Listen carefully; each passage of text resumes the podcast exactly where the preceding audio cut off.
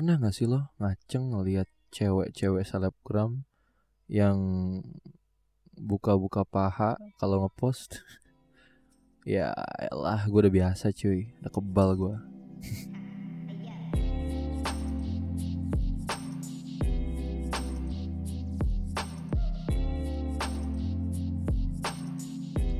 So guys, ya assalamualaikum, shalom, om swastiastu, mana budaya pe? Kali ini gua tamat dari DTSP lagi, kembali lagi setelah episode yang ketiga dengan energi yang sama, dengan masih energi yang sama, tapi gue sedikit kayak kurang enak badan, tapi gue harus tetap menggunakan energi yang sebelumnya, yang kemarin. Semangat kemarin tuh harus masih gue pakai untuk malam ini gitu kan. So, uh, kita mau ngebahas apa hari ini?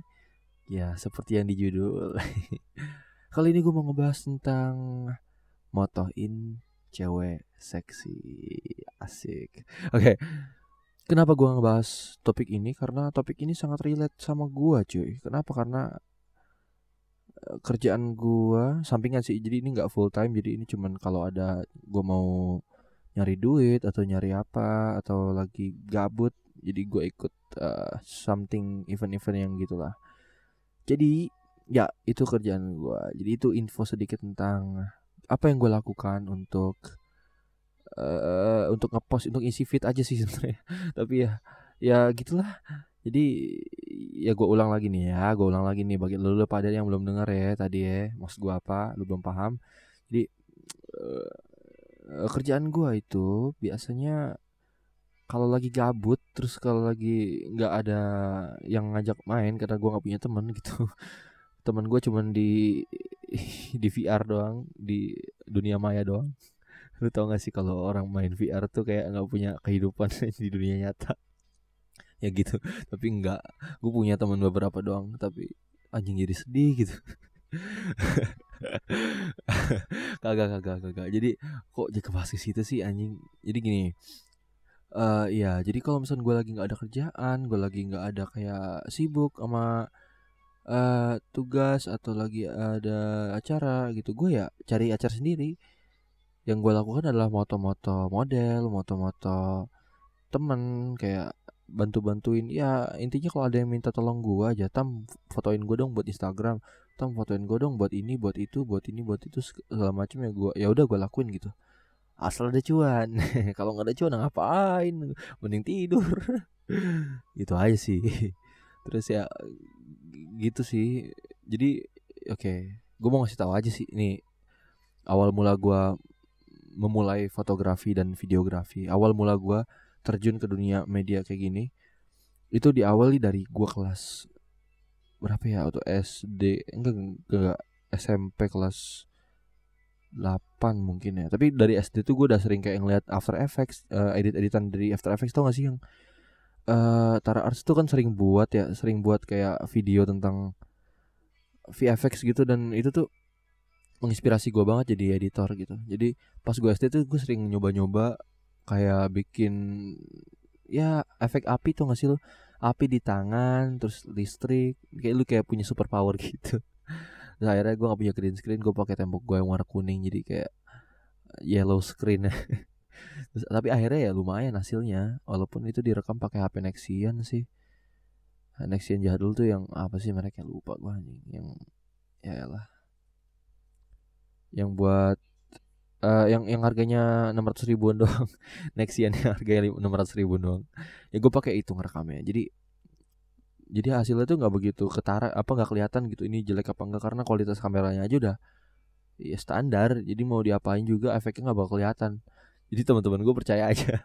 Itu itu SD ya SD kelas 6 gue ngasih tahu temen gue anjing tam keren banget gini gini gini kalau bisa buat ya ya nggak tahu After Effect anjing. Ya gitulah gue dulu suka ngedit. Kenapa? Karena itu sebuah kayak semacam magic sih semacam kayak sihir bukan sihir sulap. Sebagai kayak semacam sulap tapi itu digital cuy. Jadi banyak kayak Zaking lo tuh Zaking kan? Dia itu digital magician sebenarnya sih. Jadi kayak dia menggunakan trik kamera eh, di setiap videonya gitu.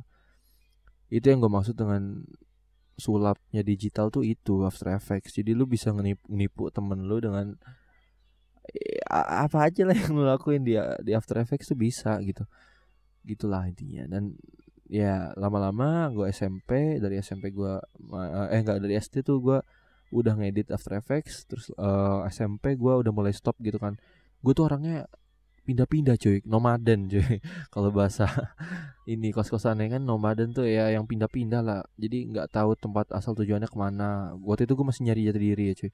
Dari SD kelas 3 gue break dance tiba-tiba ke tiba-tiba suka nonton video After Effects tiba-tiba buat After Effects tiba-tiba ntar uh, eh, SMP kelas 1 gue ikut beatbox tiba-tiba ke ah dari beatbox ini gue tiba-tiba terjun ke dunia per YouTubean. Jadi otomatis gue kalau ikut YouTube tuh harus ngerti ngedit lah ya kan? Dan ngedit itu tuh gue udah baru mulai kelas SMP kelas 7 tuh 8 7 ke 8 lah. Jadi gue seiring buatnya video gue yang jelek itu dengan PC gue yang tabung gue main game-game cacat jadi ya tau sendiri lah hasilnya gimana. Lu bisa cek YouTube dari Antama Abdullah kalau nggak salah namanya intinya begitu. Lu bisa cek-cek video yang lama juga yang cringe abis itu yang gue masih SMP intinya gitulah. Terus ya dari situ otomatis gue kan berkembang gue dibeliin laptop gue dapat laptop untuk rekam podcast yang sekarang nih gue masih pakai laptop yang itu. Dan iya dari dari laptop itu gue belajar banyak sih. Kayak gue download uh, Premiere Pro gue download After Effects gue download uh, iya gue so much lah. Illustrator semua. Semua Adobe lah gue install di sini. Jadi gue belajar juga kan. Nah, akhirnya gue ketemu lagi sama After Effects cuy. Gue reunian cuy kayak sahabat lama gue udah lama nggak dipakai. Gue dulu pakai After Effects CS 4 kalau nggak salah. Dan di sini tuh gue sekarang udah pakai sisi yang 2018 walaupun sekarang udah 2020 tapi gue tetap pakai 2018 nggak tahu kenapa. Gue lebih suka aja sih karena dia tuh nggak nggak banyak update-update nggak jelas. Jadi walaupun fiturnya bagus-bagus yang terbaru tapi gue nggak suka aja gitu. Berat aja di gue kayak gue malas aja update-nya. Soalnya project-project lama gue kebanyakan 2018 kan. Ketika gue update ke 2019 2020 gue masukin project gue yang lama itu tuh nggak bakal bisa sinkron. Kayak eh, bakal ada tulisan kayak lu harus update dulu baru ada nggak lu harus downgrade dulu atau nggak apa dulu gitu kayak pokoknya nggak bakal bisa ngemasukin file dari versi yang sebelumnya gitu. Ya itu ya bencinya gue sama Adobe yang ya nggak konsisten gimana ya susah gitu untuk untuk work workspace apa workflow gitu. Pokoknya intinya gitu dah. Lu kayak ketika lu kayak punya dua editor lu ngerjain satu film tapi dua editor dan editor itu punya aplikasi yang beda versi eh punya software yang beda versi. Contoh uh, Premiere Pro yang satu tuh 2018 yang satu tuh 2020 ketika yang satu punya ya, ya, yang 2020 ini dia punya efek eh punya fitur-fitur yang enggak 2000 2018 punya. Dan ketika dituker gitu kan ketika mereka nuker file kayak wah bro nih lu kerjain teksnya dah gue bagian ini aja. Nah ketika si 2018 ini nerima dia kayak kaget cuy ini file lu 2019 eh 2020 tuh gue nggak bisa ngebaca. Kayak kayak apa anjir? Kayak gimana ya? Kayak Adobe itu nggak bakal bisa dipakai untuk uh, gimana ya versi Adobe yang lama itu nggak bakal bisa diedit di versi yang terbaru. Gitu sih. Kalau sebaliknya bisa. Kalau misalkan Adobe versi yang lama diedit di versi yang baru kayaknya bisa deh. Soalnya waktu itu gua ngedit uh, file CS6 dari atasan gua. Terus gua itu terima di Adobe sisi 2018 jadi dari CS6 ke sisi 2018 itu masih bisa di otak atik gitu. Illustrator ya gue gak tahu kalau di After Effects sama Premiere gue gak tahu.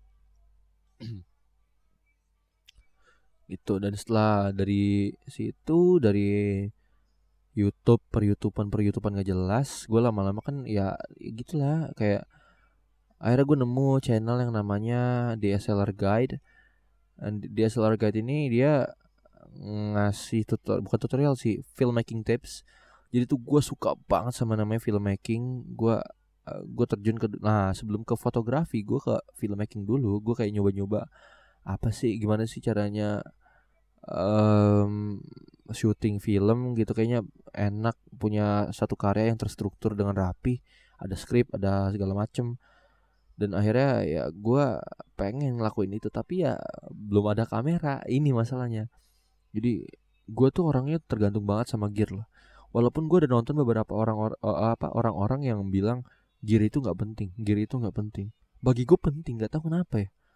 Gear itu penting sih kata gue gear itu nggak penting kata orang-orang bilang gear itu nggak nggak berguna gitu. Katanya bisa kalian kamu tuh bisa pakai apa bisa berkarya dengan gear apa aja gini gini gini gini. Ya cuy orang belajar juga susah. Ketika nih gue gua nonton video, uh, videonya di SLR Guide ya yang ngejelasin teknisi kamera seperti kayak lighting, white balance atau ISO segala macem. Dan ketika gue ketika gue nonton uh, kreator-kreator yang lain yang bilang pakai HP aja nggak boleh pak nggak usah pakai kamera kalau nggak belum mampu. Oke gue pakai kamera. Yang gue pelajarin dari DSLR Guide itu ya ISO, white balance. Ketika gue buka HP gue yang kentang, ini kan nggak ada itu white balance, white balance bullshit ini nggak ada nih nggak ada ISO nggak ada exposure nggak ada oh, picture profile itu nggak ada di situ. Kayak gue kayak cengok itu gimana? Terus gimana anjir? Akhirnya setelah itu ya gue akhirnya cuman bisa mantengin orang-orang doang. Cuman bisa ngeliat di YouTube. Tutorial-tutorial itu gue gue simpen ya gue simpen di otak gue gue cuman bisa nonton doang orang buat film gue cuman bisa dan gue nggak bisa praktek gini gini gini sampai saatnya gue dibeliin kamera dan itu jangkanya lama banget sih. Setelah gue dibeliin kamera sama orang tua gue tuh itu tuh jangkanya jauh sih dari dari apa namanya dari yang kata gue belajar film sampai gue punya kamera itu itu jauh. Karena jadi ilmu-ilmu yang gue dipelajarin selama itu tuh kayak udah eh, lupa gitu aja. Karena saking lamanya tapi gue berterima kasih banget lah sama yang sama orang tua gue udah beliin kamera ya. Karena itu aset cuy. Sampai sekarang gue masih make kok. Gue jadi ya gue bukan yang ngemis ya minta kamera tuh. Karena orang tua juga udah tahu kalau niat gue buat beli kamera tuh untuk menghasilkan juga. Dan akhirnya menghasilkan cuy. Akhirnya menghasilkan. Jadi nggak nggak cuman main-main doang. Nggak cuman buat gaya-gaya ngevlog. Bullshit ngeprank. Buat video konten ngeprank. Kagak itu tuh buat something greater gitu lah anjir. Anjing suara gue gak enak banget. Radang kayaknya nih gue ya dari situ gue punya kamera akhirnya gue nyoba-nyoba filmmaking dan ternyata eh, susah cuy ketika gue nyoba filmmaking gue buat satu film kata gue sih ceritanya bagus tapi karena kesalahan teknis dari uh, jadwal dan segala macam itu kebentrok gue frustasi dan kesel banget gue benci banget sama waktu yang harusnya buat itu film buat lomba tapi waktu dari sekolah waktu itu nggak nggak memadai gitu. Gue tuh kayak di, di press ditekan nama ini waktu nggak boleh jam segini harus selesai gini gini gini. Ya gimana tuh? Aduh gimana? Ini film tuh harusnya selesainya uh, lima ah uh, nggak nggak target itu dua bulan tuh selesai syutingnya. Ini anjir udah udah lewat kan udah tiga bulan lebih baru baru beberapa scene doang sih. Anjir itu stop di minggu keberapa gitu. Anjir gara-gara jadwal gue benci banget sumpah. Susah akhirnya ya gue gue nyerah di situ salahnya. Dan tapi kenapa gue nyerah? Kenapa gue nyerah gitu? Kenapa gue stop di filmmaking di titik itu. Padahal dulu gue suka banget buat buat video buat apa segala macem yang terstruktur yang ada skripnya yang ada apa. Dari SMP gue juga sering kok minjem kamera temen. Oh ya dulu gue belajar videonya lewat kamera teman jadi nggak gue belum punya kamera gue jadi otak atik kamera temen. Jadi ya gue paham sendiri lah ISO apa white balance apa gitu-gitu. Dan akhirnya uh, iya gitu sih. Dan saat gue udah frustasi udah capek gitu sama jadwal filmmaking yang bukan jadwalnya apa sih namanya sama orang-orang yang susah diatur juga. Akhirnya ya gue kesel aja gimana sih kayak gue udah nulis skrip sendiri gue ngedirect sendiri tapi nggak ada yang ini gak ada yang respon nggak ada yang serius anak-anaknya. Ya udahlah mau gimana lagi gue putusin aja. Anjay putus. Putus apa tuh? Putus cinta kayak sebelum main episode sebelum jadi ya gitu aja sih.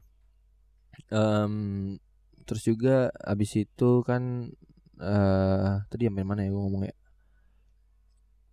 Dari yang apa sih ya dari, kenapa gue berhenti video-video gitu segala macamnya karena gue udah capek cuy. Gue ya semoga ntar di masa depan atau beberapa tahun kemudian gue menemukan uh, tim yang kompak gitu amin sehingga gue bisa buat satu karya film lagi gitu. Dan dan gue mau ngebandingin sama film-film gue yang dulu yang gue film-film pendek yang gue buat dari dari gue dari gue SD gitu. Gue pengen tahu gitu seberapa jauh perkembangan gue makanya gue pengen ketemu sama orang-orang yang sejalan sama gue lah sepemikiran sama gue lah. Se apa ya yang bisa ya enak diajak kerja sama lah yang paham gitu tentang apa yang gue mau. Jadi gitulah dia enaknya bisa kerja sama dan sama-sama menguntungkan juga. Ya dan dari situ gue akhirnya vakum megang kamera. Nge YouTube gue sempet sempet nge YouTube ya nge YouTube buka YouTube namanya Mindex. Itu nama YouTube gua dan nama nama ini gua nama apa namanya? Apa bukan nama pena kalau kalau nama pena kan untuk penulis. Nama apa ya namanya? Brand nggak bisa disebut brand juga sih tapi intinya nama kalau misal gua hubungin sama media videografi fotografi itu namanya Mindex. Jadi kalau lu nyari nyari gua di Instagram uh, di YouTube cari aja Mindex sih. Itu relate banget sama karya-karya gua jadi gitu.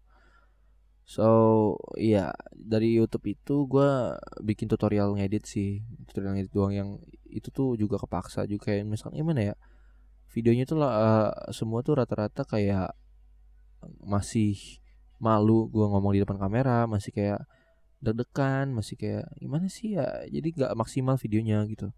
Terus juga ada kendala mikrofon. Dulu tuh gue kalau nggak YouTube tuh suka banget bikin-bikin mikrofon sendiri gitu. Dari telepon rumah telepon rumah tuh kan ada mikrofonnya tuh. Iya gue cabutin itu gue ancurin. Ini ini fakta ya. Ini ini ini uh, uh, fun fact cuy tentang gue cuy. Ini harus di harus lu tahu sih ini tuh gimana gimana pengennya gue jadi youtuber youtuber gaming. Itu tuh gue ngambil mikrofon dari telepon gue iseng-iseng cari di YouTube gimana cara bikin mikrofon sendiri. Akhirnya ketemu dah tuh. Akhirnya gue cabut itu gue SMP kelas berapa ya? Tujuh nggak salah. Awal-awal kelas satu SMP jadi pas gue nge YouTube gaming itu ya gue cari-cari cara buat buat buat bikin mic gitu mic sendiri di DIY mic itu tuh gue pakai ya telepon telepon rumah gue hancurin dan gue ambil mikrofonnya gue sambungin ke ke kabel gitulah ke kabel apa sih namanya jack jack kabel jack buat masukin ke laptop sama PC gitulah atau sendiri 3,5 mili. Dan itu tuh awalnya gue nggak gue nggak expect bakal berhasil karena gue nggak paham listrik ya. Ipa gue jelek fisika gue jelek teknik gue jelek gimana sih kayak yang ngarah-ngarah ke arah listrik tuh gue payah dah. Tapi pas setelah gue coba masukin ke audio jack itu dan berhasil tuh gue berasa kayak wah anjing gue hacker cuy. Gue udah kayak tukang servis. Soalnya gue waktu itu masukin uh, apa nyambungin kabel positif sama negatif gitu-gitu. Jadi kayak ya atau sendiri ya yang merah sama yang merah yang hitam sama yang hitam atau kebaliknya gitu. Gue udah lupa juga sih. Pokoknya positif tuh merah atau hitam gitu nah yang eh sebaliknya juga gitu. Jadi eh, gue tuh waktu itu tuh kayak ngerasa wow anjing berhasil dong. Dan suaranya tuh nggak nggak nggak buruk juga not bad lah. Acceptable suara suara mikrofon uh, ini gimana sih? Uh, telepon gitu sama aja kayak gitu suaranya. Jadi begitulah intinya. Jadi ya gitulah. Setelah dari situ dari nge YouTube ya udah gue akhirnya vakum yang gue bilang tadi gue gue vakum nggak megang kamera selama beberapa bulan gue uh, ya gue abis YouTube tuh gue udah kayak males. Oh ya gue juga sempat buat iseng-iseng buat lagu iseng-iseng buat musik sendiri. Ya, pakai FL Studio ya padahal ilmu musik gue rendah. Maksudnya nggak gue wawasan gue nggak luas tentang musik. Jadi bisa dibilang itu cuma kayak iseng-iseng doang sih. Ya begitulah. Terus juga abis dari bikin musik ya gue vakum. Gue cuman bikin musik tuh cuman ngincer video klipnya doang. Jadi gue buat video klip sendiri. Dan itu isinya gue doang. Ya cuman kayak gimana ya video klip musik video tapi ya yang isinya lu yang lagi nyanyi gitu. Paham gak sih? Ya gue kayak gitu buat pernah. Jadi gue ya, dan itu yang ngebuat gue improve gitu. Oh gini ngedit oh gini jadi kayak nggak usah dimulai dengan film dulu lah yang susah. Dimulai dari yang mudah dulu gue tuh orangnya suka sibuk gitu suka sibuk sama apa yang gue suka gitu. Suka banget gue daripada nggak ada kerjaan kan? Kecuali kalau emang uh, yang gue ngerjain hal yang gue nggak suka mending tidur gitu. Kayak tadi gue bilang mending tidur di rumah kalau nggak ada cuan. Itu. Jadi um, setelah itu langsung gue nyoba-nyoba fotografi cuy. Gue ngelihat ada channel yang paling gue suka banget. Ini ada orang berempat ya. Berempat atau berlima gitu. Mereka tuh sahabat dari kecil dan mereka tuh suka fotografi banget dari awal dari dari high school dari mereka SMA orang luar ya orang Australia orang Melbourne. Namanya itu adalah Hayden satu. Yang kedua Liam. Yang ketiga itu si siapa namanya? Lupa gue Mike. Yang keempat itu Limon ya berempat ya mereka. Jadi ya eh, berempat orang ini tuh dari kecil tuh emang udah suka foto gitu. Dan gue nonton semua channel mereka. Walaupun kontennya sama karena mereka kalau ngevlog bareng. Cuman beda angle doang. Gue tontonin semua. Ya, itu. Dan dan dan uh, hasil dari video mereka ya gue improve. Ada improvement dari semenjak gue sebelum nonton mereka sampai sesudah gue nonton mereka gitu wah gokil sih. Menurut gue sih mereka tuh yang inspirasi gue banget gitu. Walaupun kamera mereka lebih jauh lebih bagus daripada kamera gue tapi it's okay man. Gue bisa belajar trik-trik kayak apa ya? Contohnya apa ya? Bentar bentar, bentar. partikel-partikel yang kayak uh, misalnya salju atau enggak lagi main ice skating. Terus kayak ice skating tuh lu tau gak sih kalau kalau dia ngesot kan pasti ice nya tuh kayak ya paham lah paham lah ya. Kalau ice skating tuh kalau lu ngesot seret ada serat-serat esnya kayak es kelapa parut kayak gitu. Dan itu muncrat ya. Dan itu bisa diakalin ke kamera. Jadi kesannya kayak orang ngesot terus kamera uh, ke ngesot terus itunya uh, apa namanya partikel-partikelnya tuh muncrat ke kamera. Dan itu bisa diakalin dengan cara ya gitu. Dengan cara ya apa namanya oh ya lupa gue jadi iya ya jadi gini lu ambil gelas dan itu tuh lu ambil saljunya dulu lu kerok saljunya dulu. Setelah lu kerok saljunya lu taruh di gelas dan lu foto model lu yang lagi ngesot main ice skating tapi posisinya diem. Jadi ntar lu tinggal tuang dari atas gelas uh, apa namanya gelasnya tinggal lu tuang gitu aja. Tinggal lu guyur gitu seret. Jadi kan kayak partikel-partikel itu kayak nyebar gitu kan ke kamera. Jadi kayak ilusi aja sih sebenarnya. Jadi nggak bener-bener orang itu ngesot itu kerennya itu sih. Jadi gue kayak belajar banget banyak tentang trik-trik uh, videografi oh, apa foto-foto gitu sih. Jadi Duh. sorry sorry. Jadi ya hmm, gitu. Gue banyak banget belajar dari mereka. Entah itu trik fotografi entah itu apa gitu. Jadi iya begitulah. Dan semenjak ada video mereka gue langsung terbangun cuy. Langsung kayak wadaw kayak seru nih fotografi. Kenapa? Kenapa kenapa waktu itu gue uh, mikir kayak gitu? Kenapa gue waktu itu gue mikir fotografi itu lebih enak kayaknya? Karena menurut gue ya fotografi itu lebih jauh lebih mudah dibandingkan videografi karena fotografi itu hanya mengambil satu frame dan kita bisa ngatur satu frame itu se seenak kita gitu. Dan gak harus tag tag ulang. Dan tag ulangnya itu cuma ya mudah gitu. Contoh lu mau ngambil satu model yang lagi lagi loncat ya lagi loncat gitu. Jadi lu kayak main high shutter speed dan modelnya itu lagi loncat lagi kayak eh, melayang gitu. Lu bisa lu bisa ngobrolin dulu sebelum lu nge-shot gitu loh paham gak sih? Kayak wah lu ntar gini gini gini ya lu gini gini ntar loncat gini gini ya selesai. Pas lu foto loncat jebret. Oke satu frame. Coba loncat lagi jebret satu frame. Loncat lagi jebret satu frame. Ntar tinggal dipilih gitu. Kalau lu video gimana ya? Kayak lu lu harus buat storytelling yang lebih dari satu detik cuy. Paham gak sih? Kalau di foto storytellingnya tuh lebih mudah karena di satu frame. Ada misalkan ya lu tau street photography gak sih? Street photography itu kan menceritakan tentang apa yang ada di apa yang sedang terjadi di lingkungan itu gitu. Ada fotografi pasar yang orang-orang moto moto pasar gitu apa yang terjadi di pasar ada orang lagi jual beli gitu-gitu. Itu kan juga storytelling gitu maksudnya. Itu di dalam satu frame mereka cuma ngambil jebret sekali doang.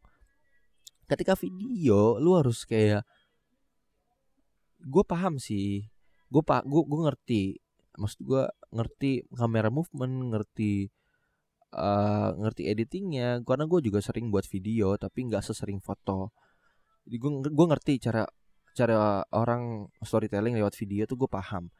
Tapi itu lebih sus jauh lebih susah daripada satu frame yang didapat uh, yang yang bisa lu ambil dari fotografi gitu. Itu tuh jauh lebih mudah gitu. Begitulah intinya dari video-video gitu ya intinya gue tiba-tiba kan banyak orderan gitu bukan orderan sih kayak dari teman-teman gue tuh suka minta tolong gitu sih. Awalnya kayak tam gue mau minta tolong dong lu kan jago ngedit nih uh, bikinin gue video motor dong video apa sinematik sinematik itu ya kata gue ya oke okay, oke okay lah oke okay, oke okay, siap. Ada gue gue cus ke tempatnya gue ke TK gue ke TKP gue syuting segala macem. Setelah setelah syuting itu dan begonya gue ditawarin kan gini ditawarin tam gue harus bayar berapa nih gini gini gini? Dan begonya gue di situ gue nolak. Kenapa? Karena waktu itu gue masih ngerasa masih banyak yang lebih jago dari gue gue nggak seberapa tapi kata mereka gue bagus ngeditnya gini gini gini. Lu keren banget tem gini gini gini. Ya gue nggak percaya sih. Karena masih banyak yang jauh lebih uh, pinter dan jago di, di atas gue dan mereka bilang iya tem serius gini gini. Masa lu nggak mau gue uh, gue bayar gini gini? Bukan nggak mau gue masih nggak enak aja gini gini gini. Ya udah deh gue traktir aja lu mau apa? Ayolah kita ke Lawson aja gitu gini, gini. Eh Clausen kalau nggak salah ya? Iya Clausen gue gue beli cuma beli snack doang sama apa ya. Itu tuh itu tuh goblok banget sih gue soalnya itu yang yang minta video tuh dua orang kakak adik. Jadi dah harusnya bayarannya gede harusnya. Karena mereka juga terhitung orang mampu harusnya gue pelorotin cuy. Harusnya gue pelorotin. Tapi nggak bisa. Karena gue waktu itu waktu itu gue masih ngerasa ya ilmu gue seberapa sih? Nggak nggak belum jago-jago amat lah. Ya udah akhirnya dari situ selesai video motor lama-lama banyak juga orderan kayak bukan orderan sih kayak minta tolong gitu. Ada cewek ada, ada cewek teman gua teman SD gua udah lama sih. Gua deket sih dari SD sama dia. Dia tuh suka emang anaknya tuh kayak selebgram gitu. Akhirnya dia kayak gua kayak ngajak dia kayak awalnya kayak weh foto yuk gitu kan. Uh, kayak lu cocok deh kalau jadi model gua. Bebas basi lah kayak gimana sih ayo yuk foto yuk gini gini gini. Udah lama juga sekalian reuni gini gini gini. Ya akhirnya dia mau ayo gini gini. Ya udah akhirnya foto dan dia suka. Akhirnya gini gini ini akhirnya dan dia nggak bayar gua dia nggak bayar gua tapi dia bayar gua dengan exposure cuy. Secara cuy dia orang terkenal. Maksudnya ya bisa di, di, dibilang selebgram juga sih. Gua nggak masalah sih kalau dibayar dengan exposure asal asal worth it gitu dan hasilnya worth it man setelah setelah di setelah cewek ini temen gue ini nge uh, ngepromot foto-foto gue foto-foto dia yang difotoin gue di Instagramnya gitu paham lah. Follower gue nambah drastis coy dan profile visit gue tuh nyampe hampir seribu. Karena gue nyalain akun bisnis jadi gue bisa ngeliat gitu. Hampir seribu orang nge ngecek akun gua akun IG gua. Dan dan beberapa persen dari mereka yang nanya kak kalau buat foto ini berapa foto ini berapa gini gini gini harganya harganya. Dan di situ tuh gue kaget karena kan gue belum belum nentuin price list gimana? Gimana gue mau tahu ya gimana mau gue kasih price listnya kalau gue belum aja gua kalau gue aja belum buat gitu kan? Ya gitu jadi hmm, dari situ lama-lama ya ada ada beberapa ada yang ada yang ada yang ada apa ada yang gue kasih ada yang gue cuanin. Jadi gue dapet cuan di situ. Dan lama-lama ke uh, ada foto kenangan kelas. Jadi ini sih yang paling hmm, paling terakhir terakhir enggak sih terakhir apa nih iya terakhir kayaknya nih terakhir terakhir gue ngelakuin uh, ngerjain klien itu ini foto kenangan kelas. Sebelum itu ada lagi kayak video ulang tahun. Nah ya video ulang tahun temen gue Nah, teman video ulang, yang teman gue yang ulang tahun ini cewek itu tuh saudaranya teman gue yang tadi model yang ngepromosiin gue pakai exposure tadi. Jadi ya gitulah. Intinya seperti itu. Jadi um, dari video ulang tahun lama-lama ke video motor ada yang dibayar ada yang enggak. Gue masih relatif aja sih gue mah fleksibel orangnya cuy. Kalau orangnya emang kelihatannya nggak mampu ya gue sebisa mungkin kasih ik, uh, ikhlasin aja tapi dibayar dengan exposure oh ya exposure bagi yang nggak tahu exposure itu itu adalah dibayaran uh, berupa promosi atau bisa dibilang kayak kenalan gitu kayak lu dikenalin gitu kayak gimana sih kayak ya dipromosi lah. Kayak disebarin gitu karya-karya lu. Kayak lu lu nggak usah bayar ke gua nih tapi ntar gua uh, tapi ntar lu inin gua lu lu promosin gua di IG gitu gitu sih gitulah intinya atau nggak kabar-kabarin ke teman lu gitu. Wah lu kalau mau ini ke teman gua aja ya tama gini gini biaya segini segini segini. Itu namanya exposure itu sama kayak endorse kayak sama kayak endorse tapi beda sih endorse mah juga dibayar. Ya itulah intinya.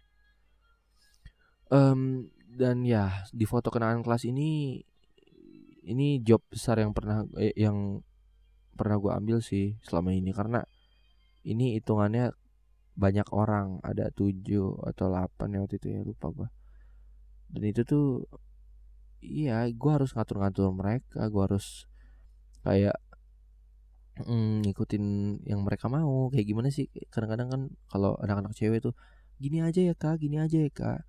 Oke dah, iya iya siap. Sebagusnya kalian aja. Akhirnya gue terpaksa untuk pindah angle yang lain demi mereka, demi cuan. Intinya gitu sih.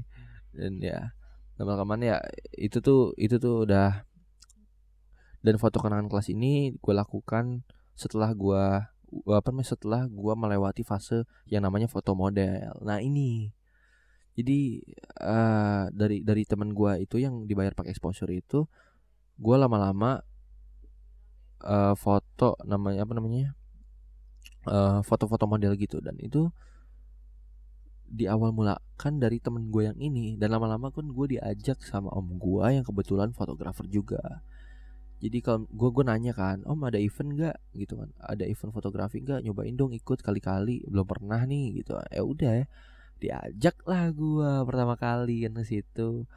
Ya udah setelah pertama kali oke event yang gue ikutin itu adalah foto mobil jadi lomba mobil dan yang gue nggak menang tapi bodo amat jadi foto-foto mobil tua foto-foto mobil antik yang udah nggak dijual lagi gue foto-foto lah asik-asik belajar-belajar gitu. Dan event yang kedua itu adalah foto model cuy. Oke ini adalah langsung aja pengalaman kocak gue ya. Pengalaman kocak gue foto model yang kedua. Jadi ini adalah event kedua gue bener-bener kaget banget gue event foto yang kedua ini adalah foto model cuy. Jadi bukan foto bukan foto mobil lagi. Ini adalah foto bener-bener cewek yang pakaiannya eh uh, subhanallah. Udah gila dah. Intinya dah. Ya jadi gue kaget dong gue kaget dong. Ya gue udah tahu ini tuh nama eventnya aja seksi car wash. Jadi itu adalah mobil-mobil mobil sama mobil antik juga tapi yang dicuci bersama model-modelnya itu tuh ada itu adalah acara penutup cuci mobil sebelum sebelumnya itu uh, sebelum acara penutup itu kita foto-foto hunting-hunting biasa. Jadi ada ada satu mobil ada lima model. Jadi ada lima model di satu mobil gitu. Di mobil itu ada banyak. Ini otomatis modelnya ada banyak juga ada puluhan deh jadi itu bagi yang nggak tahu ya event fotografi model tuh intinya ada beberapa spot yang dikasih sama panitia dan lu tuh bisa pindah-pindah gitu. Ah gue mau ke spot ini udah bosan ah gue mau ke spot itu. Oh gue mau ke yang A gue mau ke B gue mau ke C gitu gitu lu bebas. Dan hasilnya ya lu bisa pilih sendiri mana yang bagus. Itu ya itu yang gue suka. Makanya foto-foto yang gue post di Instagram itu pilihan gue sendiri. Itu dan ini yang kocak sih. Ketika gue foto-foto di sana foto-foto di oh ya itu di Ancol ya. Waktu itu di Ancol dan itu tuh ya banyak banget model kan. Dan ketika gue lagi foto-foto cekrek-cekrek ya kan. Cekrek cekrek. Ya gue pindah dong gue bosen dong. Akhirnya gue cari model yang ya ya ya cari aja lah. Gue lagi bosen aja kan lagi mau model yang ini. Gue ketemu satu model yang hmm.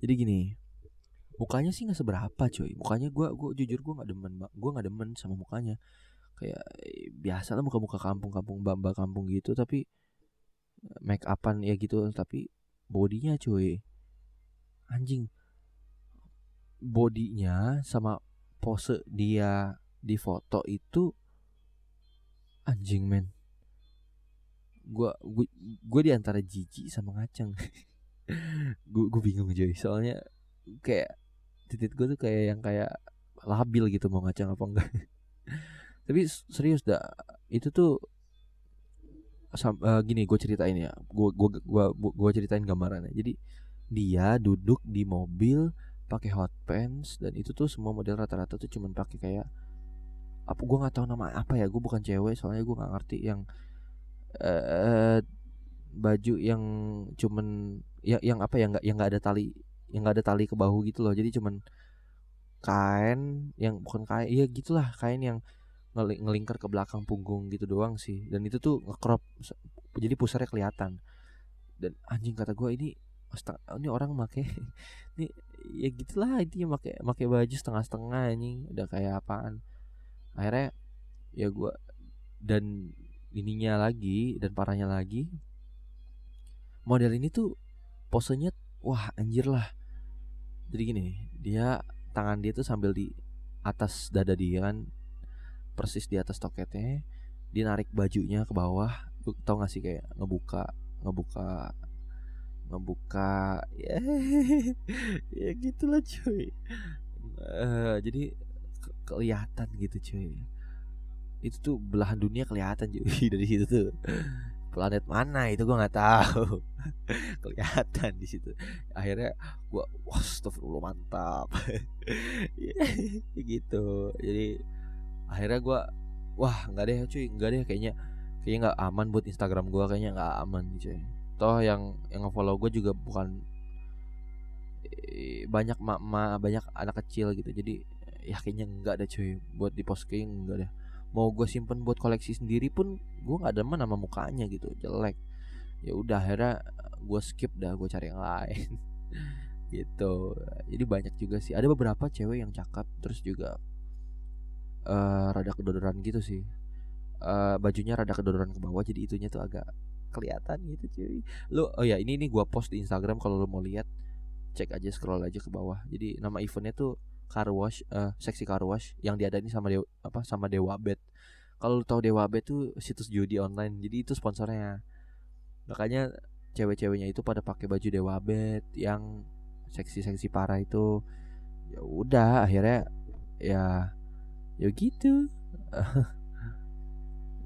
ya, ya, ya paham lah maksud gua. Ya gitulah. Ini sorry, dari tadi suara gua nggak kecil banget ya. Cek cek cek. Ah gini ya gitulah intinya mereka pakai bajunya yang begitu-begitu semua jadi gue selama di situ dan itu pengalaman pertama kali gue moto-moto cewek banyak banget cuy yang pakaian kayak begitu dan persis di depan gua persis di depan dia. Itu gua apa gimana sih? Uh, gua tetap tetapan empat mata sama modelnya jadi ada ada satu sesi di ada satu spot di mana itu cuman gua sama modelnya doang. Jadi kayak gue grogi banget kayak awkward banget. Itu gue bego banget kayak ya kak lihat sini kak. Ya ya satu dua tiga. Cekrek aduh aduh iya iya bagus. Sih kedua ya, ayo ayo ganti gaya ganti gaya kak. Ka, uh, terus modelnya tuh kayak bingung hah? Iya iya ganti gaya iya oke. okay. gue gak tahu gitu. Gue belum pernah ngedirect model sebelumnya jadi gue canggung gitu. Akhirnya ya coba kak uh, tangannya taruh muka tangannya taruh muka. Tangan tangan tangannya taruh muka gimana? Tapi akhirnya cewek uh, modelnya itu bisa ngasih tangan ditaruh muka. Jadi kayak lo tau gak sih model-model yang di Instagram yang kayak naro tangannya di muka kayak dramatis dramatis gitu di jidat di mana? Ya gitulah intinya. Ya itulah pengalaman goblok eh. Jadi gua haus sumpah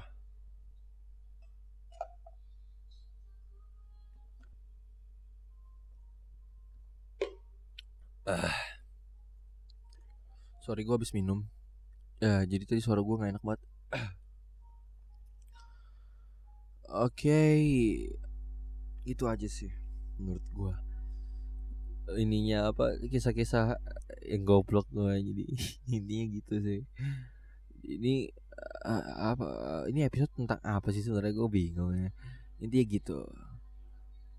Uh, sebelum gue udahin ya sebelum gue udahin podcastnya gue mau ngasih tips dulu. Untuk lu lu semua yang mau oke okay, ya untuk kawan-kawan semua biar family friendly cuy.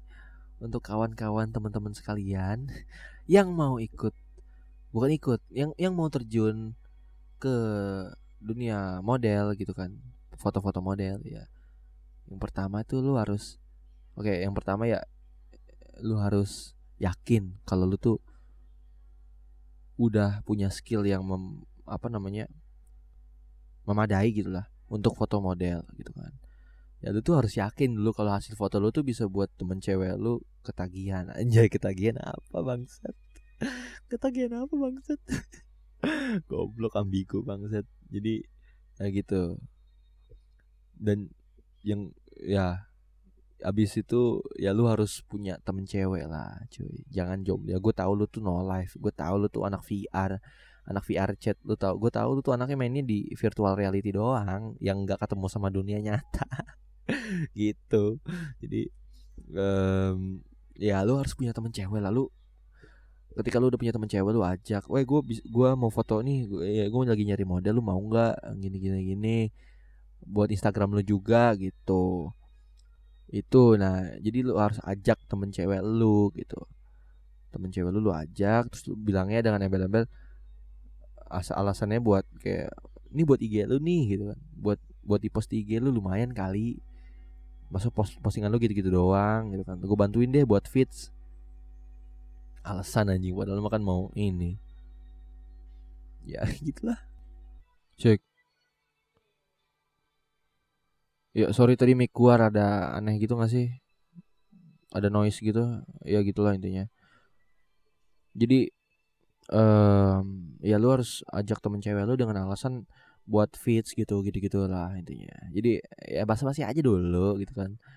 Nah, udah selesai ketika, ketika lu udah itu uh, teman cewek itu adalah bridge adalah jembatan untuk lu terjun ke dunia foto model ketika lu udah foto-foto teman cewek lu lu post ke Instagram lu lu hashtag lu kasih hashtag apa pun itu dan lu ngerasa foto lu udah bagus pasti banyak yang like kan.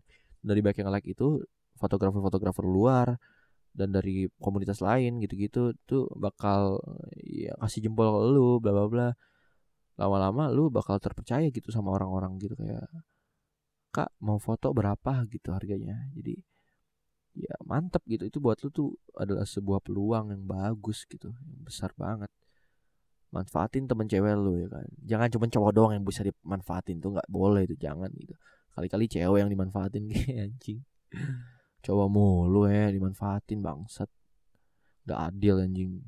Mana kesetaraan gender mana anjing? SCW nih SCW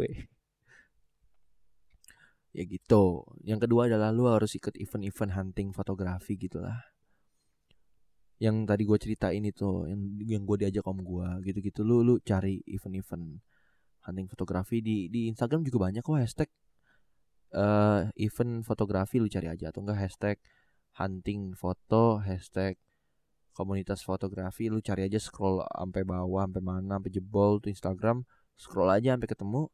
Ketika lu ketemu ya lu ikutin cari yang deket sih usahain jalan jauh-jauh jangan kayak lu di kayak lu di lu di Jambi nih acaranya di Banten jauh cu gila.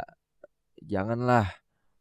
Jadi ya gitu intinya. Dan lu ikut event-event hunting gitu dan banyakin kenalan lah di komunitas hunting fotografi gitu. Jadi ya lu ikut gabung-gabung ke komunitas gitulah.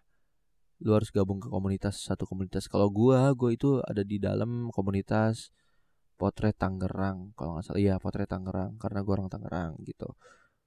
Jadi cari komunitas yang dekat-dekat aja coy. Jangan yang kayak tadi lu orang Jambi lu ikut ke potret Tangerang. Lu ada event naik pesawat dulu aja pesen tiket anjing goblok. Gitulah intinya.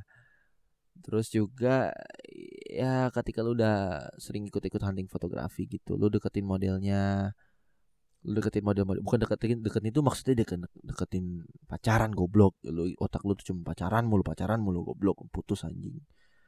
Tuh jadi jangan lu anggap pacaran. Jadi deketin tuh maksud gue deketin supaya dia supaya lu nggak usah bayar kalau mau moto dia. Paham gak sih? Kayak lu udah deket nih udah sering ngobrol udah sering apa tanya-tanya segala macem.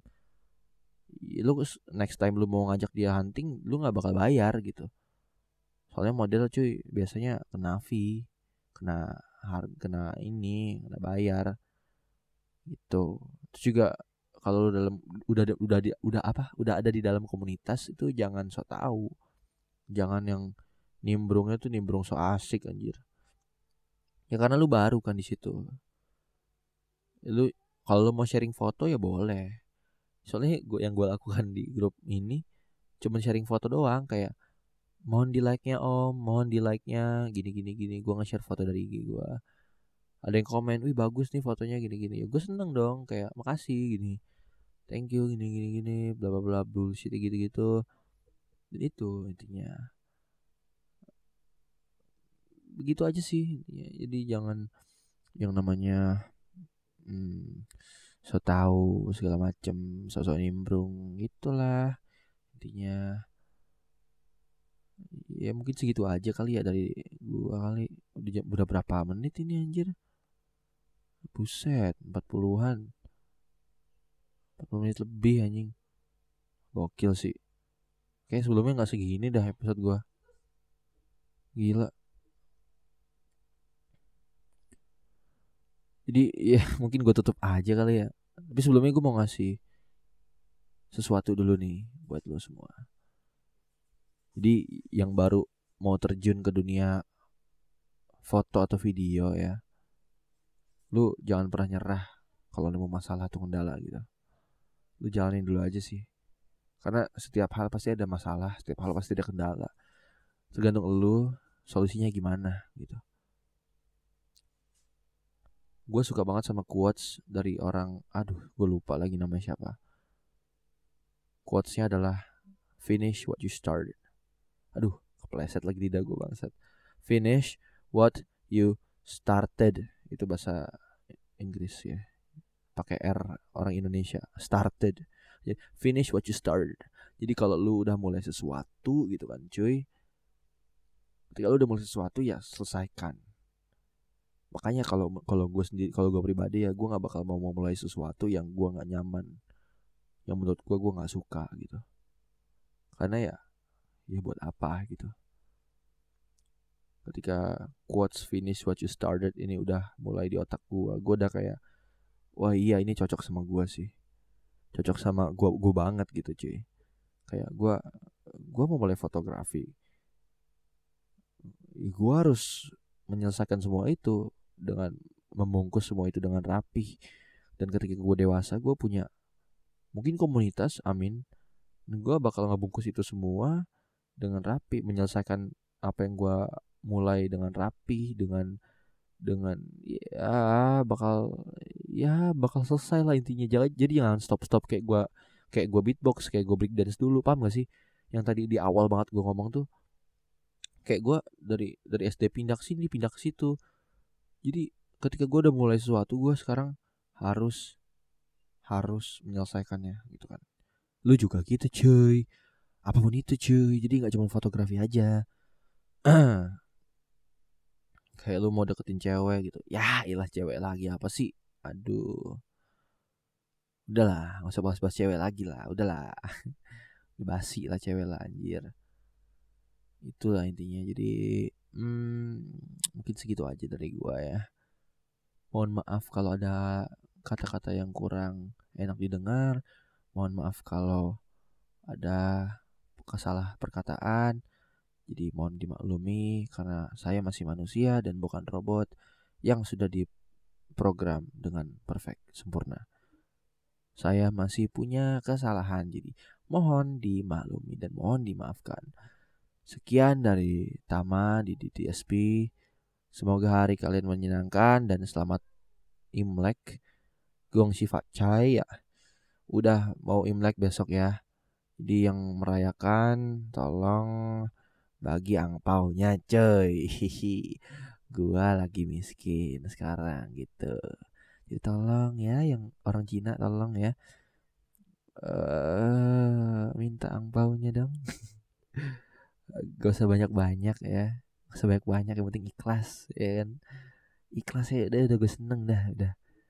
Udah ini yang gitu aja. Mungkin segitu aja dari gue di TSP dan gue tamat dari TSP cabut Assalamualaikum Shalom Swastiastu Aduh kok kepleset sih?